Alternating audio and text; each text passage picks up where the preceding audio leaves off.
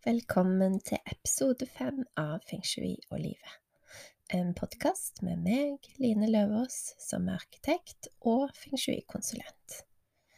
I dag skal vi snakke om området i Baguan som heter karriere og livsvei, og nye muligheter i livet. Feng shui kan høres litt komplisert og avansert ut men jeg har som mål med denne podkasten og det jeg gjør, å få folk til å bli inspirert og motivert til å ha det godt hjemme. For hvis jeg skal forklare feng shui med én setning, så er det Hva føler du når du åpner døra? Blir du glad av å komme hjem? Og det er målet mitt. Målet mitt er at folk skal ha det godt når de kommer hjem. Det skal være en plass de lader. Det skal være en plass som skal være god å være og føles trygg og oppløftende. Jeg har jo snakket om eh, begrepet hushelse. Fordi i dag snakker vi om eh, tarmhelse, vi snakker om psykisk helse, mental helse, munnhelse, søvnhelse men jeg har ikke hørt noen andre som snakket om hushelse. Og jeg mener at hvis en har det godt hjemme, så kan det ha veldig mange helseeffekter. Og feng shui, det kan være en måte å ha det godt hjemme. Og du trenger ikke Du trenger ikke kunne alt, du trenger ikke forstå alt, men du kan relatere til følelsen. Vi lever travle liv. Folk har forpliktelser, oppgaver, familie, relasjoner. Det er mye som foregår. Det er et samfunn som er travelt, og mye som skjer, påvirkninger utenifra. Og da er det så viktig å ha en god plass å komme hjem til. Hvis du åpner døra di når du kommer hjem og bare blir overvelda av oppgaver, rot, ting du ikke liker, ting du er misfornøyd med, så er det vanskelig å hente energi til den neste dagen.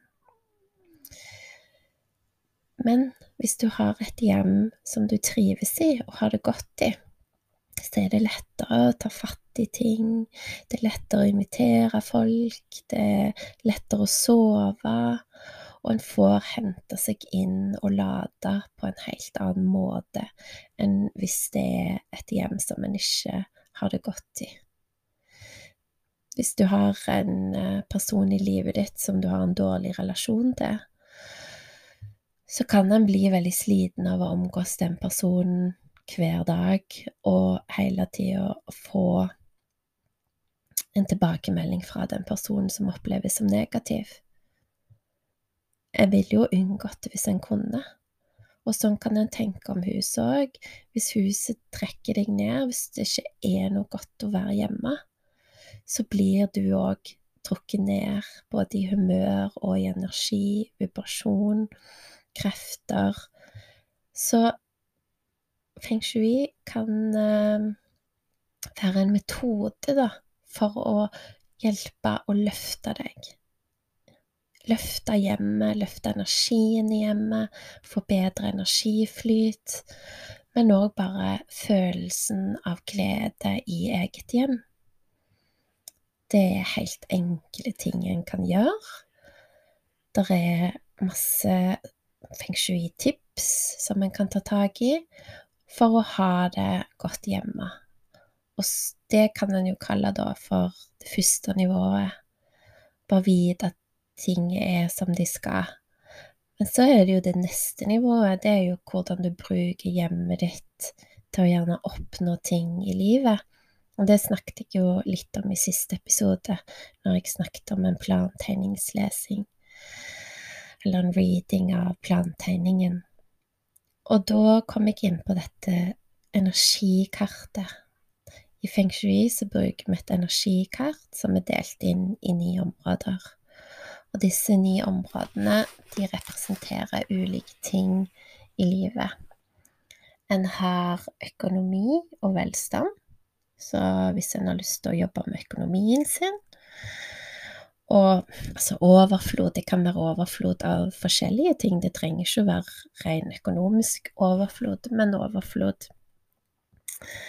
Eh, så kan en jobbe med dette området.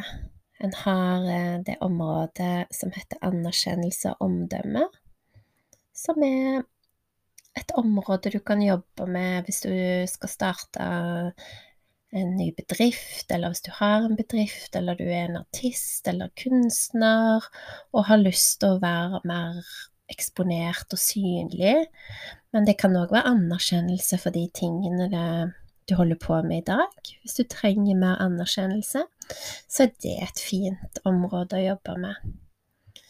Så har han det området som heter relasjoner og kjærlighet. Det kan han jobbe med hvis han vil styrke f.eks. parforhold. Men det kan òg være relasjon til en kollega. Det kan være relasjon til sin mor. Og det kan òg være et område en kan jobbe med hvis en er singel og har lyst til å tiltrekke seg en partner. Så er det det området som heter ny start og familie. Og det er et område en kan jobbe med hvis en vil i gang med et nytt prosjekt hvis en vil starte familie, eller jobbe med familierelasjoner. Det er sånn kom i gang-område. Og så har han senteret, som eh, heter Tai Chi, det kinesiske navnet. Og det kaller vi for helse, som står for hvordan du da nærer deg, og helsen din, og ja, hvordan du har velbehag i livet.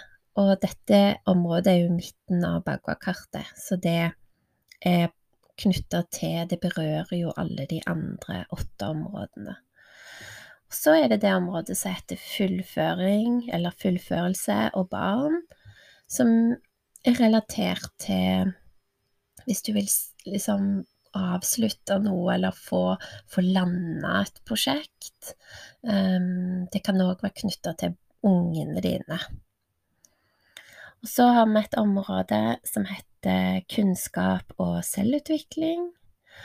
Og det er jo hvis du vil lære deg noe nytt, eller um, jobbe videre med det du kan, Uh, hvis du skal starte noe nytt, så kan jo det òg være et fint område å jobbe med, for du må gjerne ha ny kunnskap for å lære deg noe nytt. Så har en et område som heter hjelpsomme folk og reise. Og det handler jo om hvor mye støtte og hjelp du har i dette verket rundt deg. Om eh, du føler deg sett eh, i med de tingene du har behov for, om, om du opplever at, uh, at, de kommer, at folk kommer plutselig, eller hvordan føler du f.eks. hvis du har et uh, prosjekt og trenger håndverkere, kommer de, får du den hjelpen og kompetansen du trenger? Og så det området jeg vil snakke om i dag, det heter kan på kinesisk. Eh, jeg har kalt det da Eller den vestlige oversettelsen er karriere og livsvei. Som handler om det arbeidet du gjør. Det kan handle om karrieren din, de prosjektene du er i gang med. Altså din vei i livet. Det trenger ikke å være en karriere, si hvis du er arbeidsledig. eh, og og ikke har en jobb, så, men gjør andre ting, så gjelder dette området òg for deg. Det må ikke være den karrieren du står i nå. Men det kan òg være et område hvis du vil jobbe med karrieren, endre den, kanskje du har lyst på bedre lønn.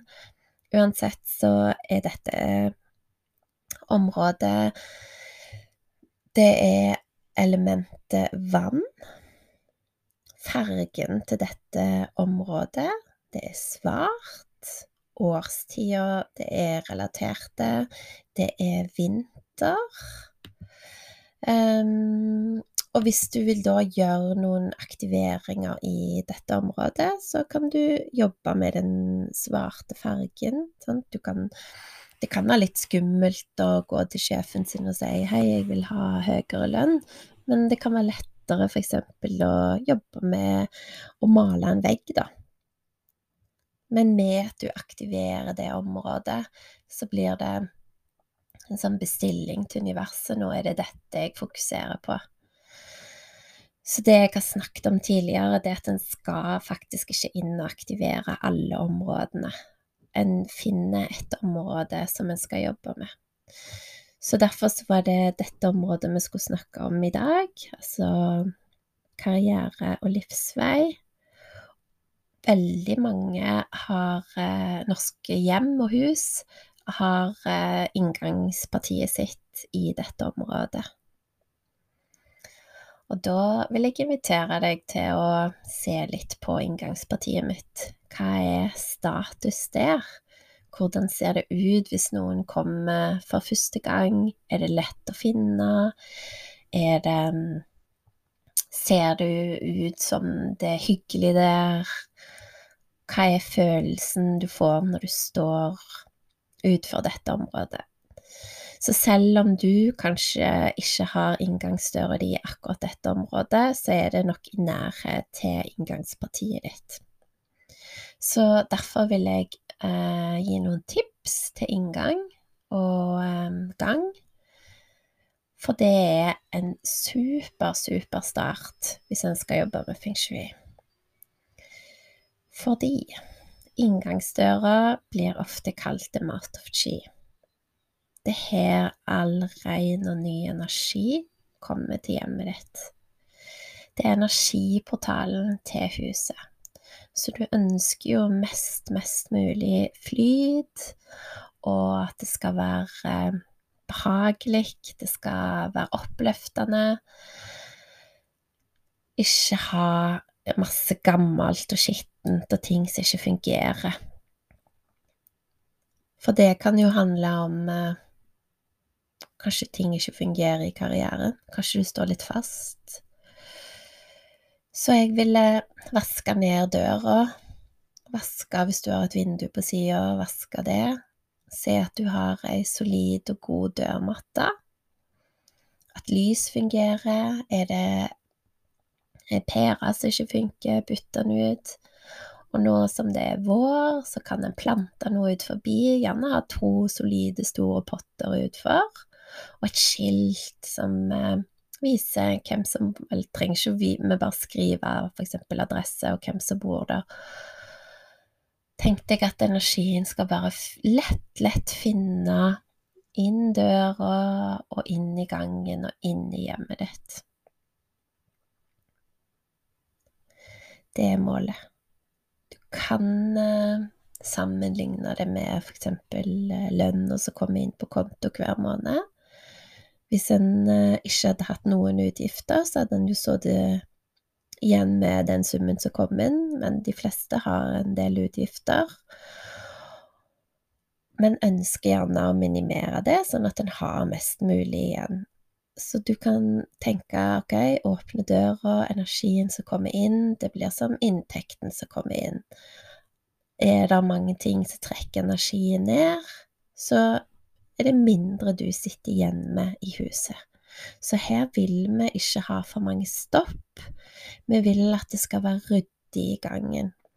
Ikke ha en haug med sko og liggende bare i en sånn Ja, bare slengt ut. Prøv å ha litt system på hvordan ting er, og jeg er jo sjøl mamma. Jeg har et barnehagebarn og et skolebarn, så jeg vet at gangen kan fort bli fulgt opp med dresser og regntøy og støvler og sko, men hvis en prøver å ha litt orden, kanskje du kan se det noe som en ikke trenger. Og en annen ting er jo det at i Norge så tenker vi jo kanskje på gangen som bare en sånn transportetappe vi er jo sjelden over lang tid i gangen. Det er liksom inn, og så skal vi videre på opp, eller i, i et annet rom, da. Men hva hvis vi tenker litt annerledes og prøver å Prøve å gjøre gangen òg som en helhet i hjemmet. At vi har planter plante der, sant? Hvis du planter i dette området Plante står jo for vekst, litt sånn rolig og kontrollert vekst. Ikke noe sånn magisk trylleformel som skjer over natta, men det der å nære noe, pleie noe, vedlikeholde, som vokser og er fleksibelt. Og så er jo en plante, det er jo en levende ting, så det vil ha vital energi. Du kan òg eh, jobbe med kunst, bilder.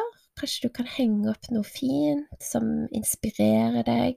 Og da kan du jo igjen bruke ei svart ramme. Du kan male døra di svart. Du kan ha ei svart potte, som jeg sa, på planten. Du kan bruke krystaller, da gjerne en svart krystall. Jeg er ikke noe ekspert på krystaller, så det håper jeg at eh, noen andre kan eh, Jeg kan få inn en gjest en gang som er litt flinkere på krystaller, med sånn tumalitt, tror jeg av dette. En svær krystall kan du bruke. Eh, et svært teppe. Eller ha noe i bølgeform som da er eh, vannelementet. Og videre, hvis eh, jeg skal råde noen til å jobbe med karrieren, så vil jeg òg snakke om eh, skrivebordet eller pulten. Hvordan står det til med den? Er den i god stand? Er han nedslitt? Har han hakk i seg? Eller er han fin? Kan du vaske den? Er han solid? Hvor er han plassert?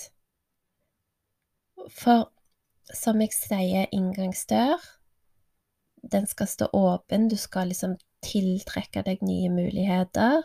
Det samme med, med skrivepulten, at du skal òg se det som kommer. Se de mulighetene som kommer.